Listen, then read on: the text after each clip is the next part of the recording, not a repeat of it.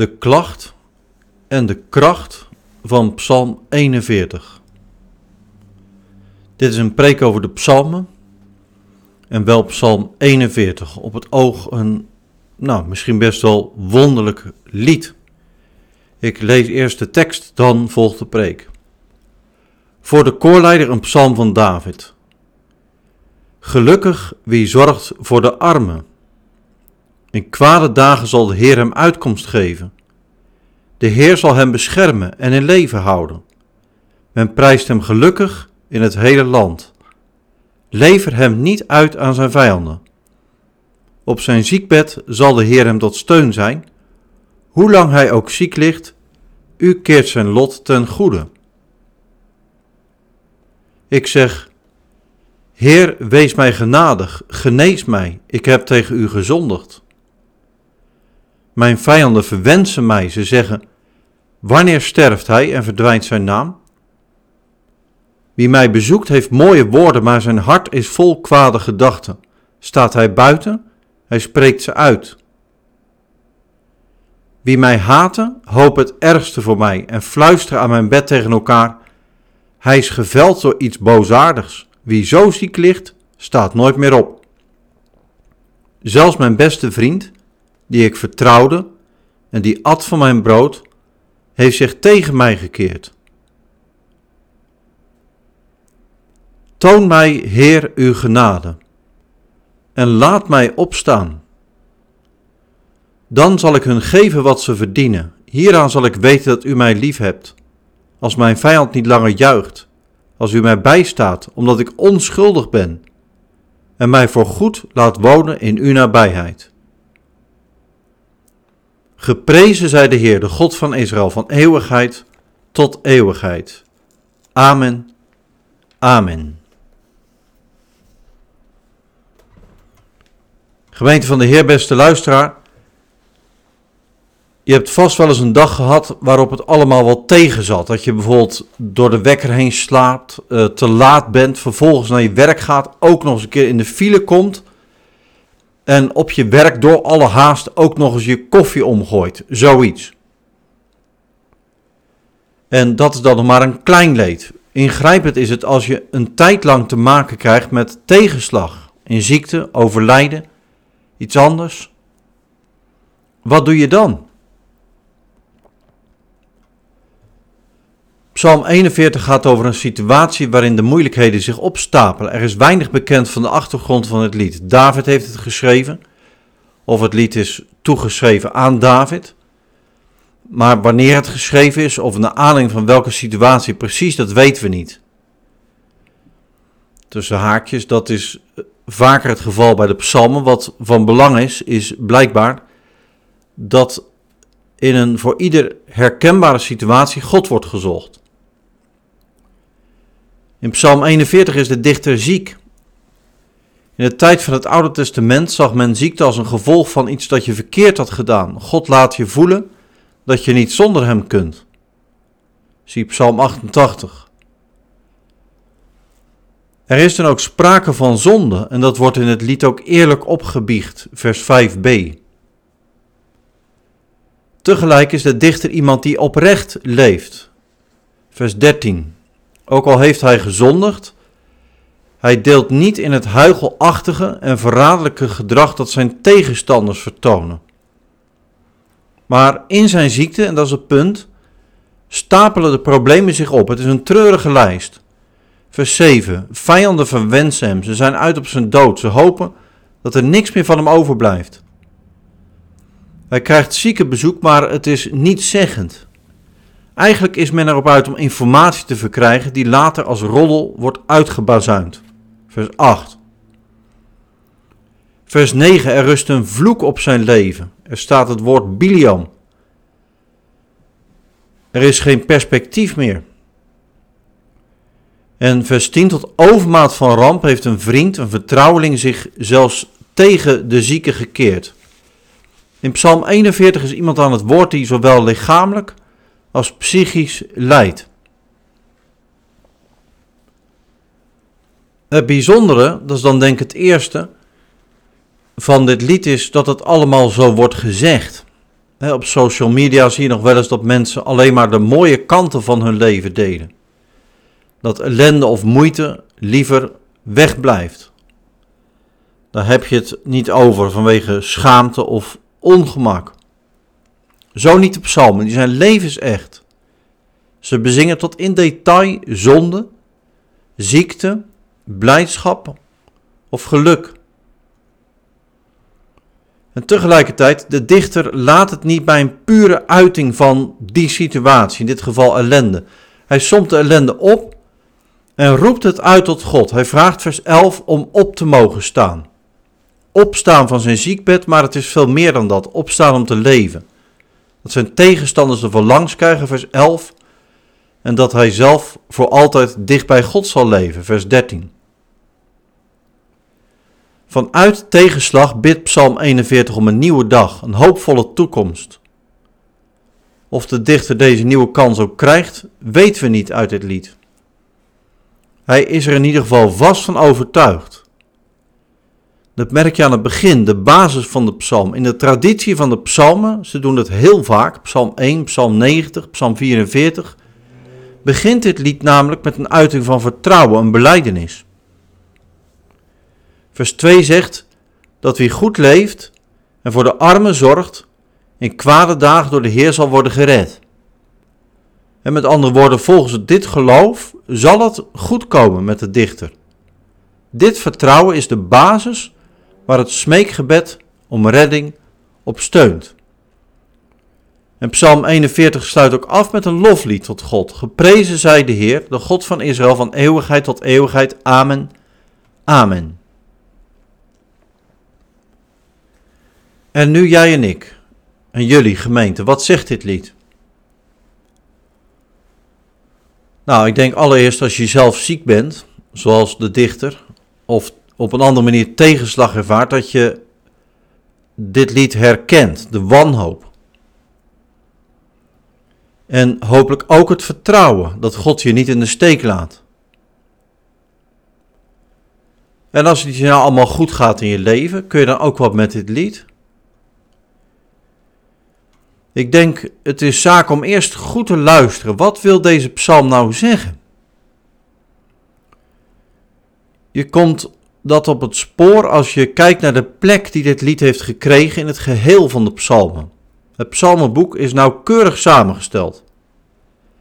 150 psalmen zijn ingedeeld in vijf delen, vijf boeken kun je zeggen. Dat is opvallend en niet voor niks. Dat zijn evenveel boeken als de boeken van Mozes. Genesis tot en met Deuteronomium. En ieder deel van dit psalmenboek wordt afgesloten met een lofzang die je leest aan het eind van Psalm 41. Een lofzang op de God van Israël. We zingen in de eredienst dit deel van het lied als Amen op de zee aan het eind. Psalm 41 is het laatste deel, laatste lied van deel 1 van de psalmen. Een deel dat gaat over de koning, koning David, Psalm 2. Hij is weliswaar tot koning gezalfd, maar hij is zijn leven niet zeker. Hij moet vaak vluchten en ondervindt allerlei hindernissen. Psalm 41 is wat dat betreft een waardige afsluiting, om het zo te zeggen. Een optelsom van allerlei moeite en beproeving door de jaren heen meegemaakt. Dit deel van de psalmen leert je dat het leven van Gods kinderen niet over rozen gaat. Een koning, zeker in die tijd, in die cultuur, is iemand die macht uitstraalt, gezag uitstraalt. Maar Psalm 41 en heel dat eerste deel van de psalmen getuigt van een heel andere werkelijkheid. Het psalm, dit psalmendeel zegt, wie je ook bent, ben je koning, ben je slaaf, ben je man, ben je vrouw, je leeft in een gevallen en een gebroken wereld. En even tussen haakjes, vervolgens gaat het tweede deel van de psalmen dieper in op de oorzaak van die gevallen wereld, zonde en tekorten. Crisispsalmen bijvoorbeeld, 42 tot 49, maar ook boetelied psalm 51. De klacht van psalm 41 als afsluiting van deel 1 van het psalmenboek moet je niet isoleren. Deze werkelijkheid, dat klinkt uit het lied, komt vaker terug in de Bijbel. Denk aan de rechtvaardige Job. Hij beklaagt zich als hij ziek is over de hulp, tussen hoge komma's, van zijn vrienden. In het profetenboek Jeremia wordt met dezelfde woorden als Psalm 41 gewaarschuwd voor bedrog en roddel van medegelovigen. En die lijst van allerlei ondervonden ellende van Psalm 41 doet denken aan een stukje van Paulus uit 2 Korinthe 11. Hij beschrijft zijn rampenlijst, om het zo te zeggen. Wat Paulus allemaal niet heeft meegemaakt: schipbreuk, steniging, zweepslagen, stokslagen, honger en dorst, dagelijkse zorg voor de gemeente. En dat allemaal vanwege het evangelie. Hetzelfde evangelie waarvan ook koning David dienaar is. Jezus zegt: Neem je kruis op je en volg mij. Dat hoor je in Psalm 41. Apostel Petrus zegt tegen de gemeente: Geliefde broeders en zusters, wees niet verbaasd over de vuurproef die u ondergaat. Er overkomt u niets uitzonderlijks. Hoe meer u deel hebt aan Christus lijden, des te meer moet u zich verheugen. En des te uitbundiger zal uw vreugde zijn wanneer zijn luister wordt geopenbaard. Het is dan ook niet vreemd dat Psalm 41 terugkomt in het Evangelie van de Liefde. Het Evangelie van Johannes, hoofdstuk 13. Er staat dat Jezus de voeten van zijn discipelen wast. Hij gaat met hen aan tafel om een Pesachmaal te vieren, de voorbereiding op wat wij Eucharistie of avondmaal noemen. Allemaal uitingen van zijn liefde en zelfovergave tot op het kruis. En ondertussen zit Judas daar ook. Hij heeft heel andere plannen. Hij wil Jezus overleveren aan de vijand. In Judas herken je de huigelaar van Psalm 41. De vriend die zich tegen Jezus keert. Bedenk, Jezus heeft ook zijn voeten gewassen. Bedenk, Jezus heeft hem het brood aangereikt. En zo zo loopt Jezus de weg van Psalm 41 helemaal uit. Niet alleen in de vloek, de ellende, waar Psalm 41 van spreekt, die hij op zich neemt, maar ook in het goede waarmee Psalm 41 begint. Het leven in vertrouwen, het goed zijn. Naar iedereen. Dat heeft Jezus geleefd tot het einde toe. Naar Judas die hem verraadt, naar Petrus die hem verlogent, zo gaat hij naar Golgotha. Jezus sterven is dan ook meer dan de dood die ieder mens sterft en die de dichter van Psalm 41 bedreigt.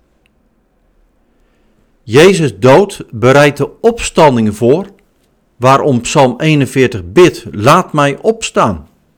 De opstanding naar een nieuwe dag, leven in Gods nabijheid, waar Psalm 41 om bidt bedoeld voor ieder die gelooft.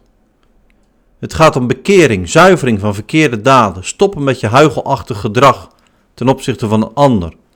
Zo vervult Jezus heel dit lied. Kijk dan vervolgens hoe Psalm 41 terugkomt in het Nieuwe Testament. Denk aan de eerste grove zonde in Jezus' gemeente. Psalm 41 komt terug bij die gebeurtenis, het huigelachtige gedrag van Ananias en Safira, die de apostelen en de gemeente willen bedriegen, handelingen 5. Voor de onoprechtheid van Psalm 41 is geen plek in de gemeente van Jezus. En hoe vaak zegt het Nieuwe Testament het niet andersom? Dat je de leugen moet afleggen en tegen elkaar de waarheid moet spreken, Efeze 5. En klinkt de opdracht dat je liefde oprecht moet zijn. Jezus wil dat het in zijn gemeente anders gaat dan in Psalm 41. Niets zeggend ziekenbezoek, Psalm 41, is in de gemeente van Jezus het meeleven met elkaar, het meebidden met elkaar. Roddelen over elkaar wordt in de gemeente veranderd in een gesprek waarin je elkaar wilt leren kennen en als dat nodig is, ook de waarheid kunt zeggen, kunt corrigeren. En in plaats van wraak te nemen op je tegenstanders, Psalm 41, vers 11, adviseert het Nieuwe Testament om goed te zijn voor wie jou tegenstaat en te bidden voor wie je vervolgt. Laat het wreken over aan God. Romeinen 12. Werkt het zo? Doe jij dit? Leef je zo? Lees voor jezelf eens Psalm 41 en zet die in Jezus licht. Om dat leven, die opstanding, bid Psalm 41. En kijk zo eens om je heen verder. Verdriet en ellende blijft tot op de dag van Jezus. Ook in die zin blijft Psalm 41 staan. De klacht van dat lied kan jouw klacht zijn. Bid deze psalm. Psalm 41 blijft nodig om gezongen en gebeden te worden. Kijk om je heen om te zien hoe belangrijk Psalm 41 is. Die opstapeling van ellende, soms zie je het voor je ogen gebeuren. Denk aan de afgelopen jaren op wereldschaal. Heftige jaren, corona, een mondiale crisis. Nog niet afgelopen of de begonnen oorlog in ons continent, in Oekraïne. En daardoor allerlei andere effecten opnieuw. Dreigende hongersnood en daadwerkelijke hongersnood in met name delen van Afrika, omdat de graantoevoer van Oekraïne stokt energieonzekerheid in ons continent. Het is alsof je Psalm 41 voor je ogen ziet gebeuren. Het stapelt zich op. Het zijn ingrijpende gebeurtenissen die je laten beseffen dat de dag van Jezus eraan komt. Openbaring getuigt ervan. Geef de moed niet op, bid de psalmen. En doe vooral waar Psalm 41 mee begint, dat jij je inzet voor de, al diegenen die je hulp nodig hebben. Doe dat met het oog op je redding op Jezus dag, de dag van de opstanding. De opstanding niet alleen van die ene zieke, van die ene persoon met al die tegenslag, maar de opstanding van alle doden. En het leven van de eeuw die komt. Ik rond de preek af. Psalm 41 is bijzonder. Misschien komt het lied in eerste instantie misschien wat vreemd over. Het is niet zo bekend als Psalm 42 of 43 of andere liederen. Maar in Jezus ontvangen is dit lied evangelie. Jezus geeft je leven in hoop. Hij kent je leven. Gelukkig de treurende, zij zullen worden getroost, zegt hij, Matthäus 5, vers 4. God kent heel je leven, hij belooft iedere traan van je gezicht te wissen. En hij is het nieuwe leven begonnen. Leef je leven met de Heer en heb zo de ander lief. Amen.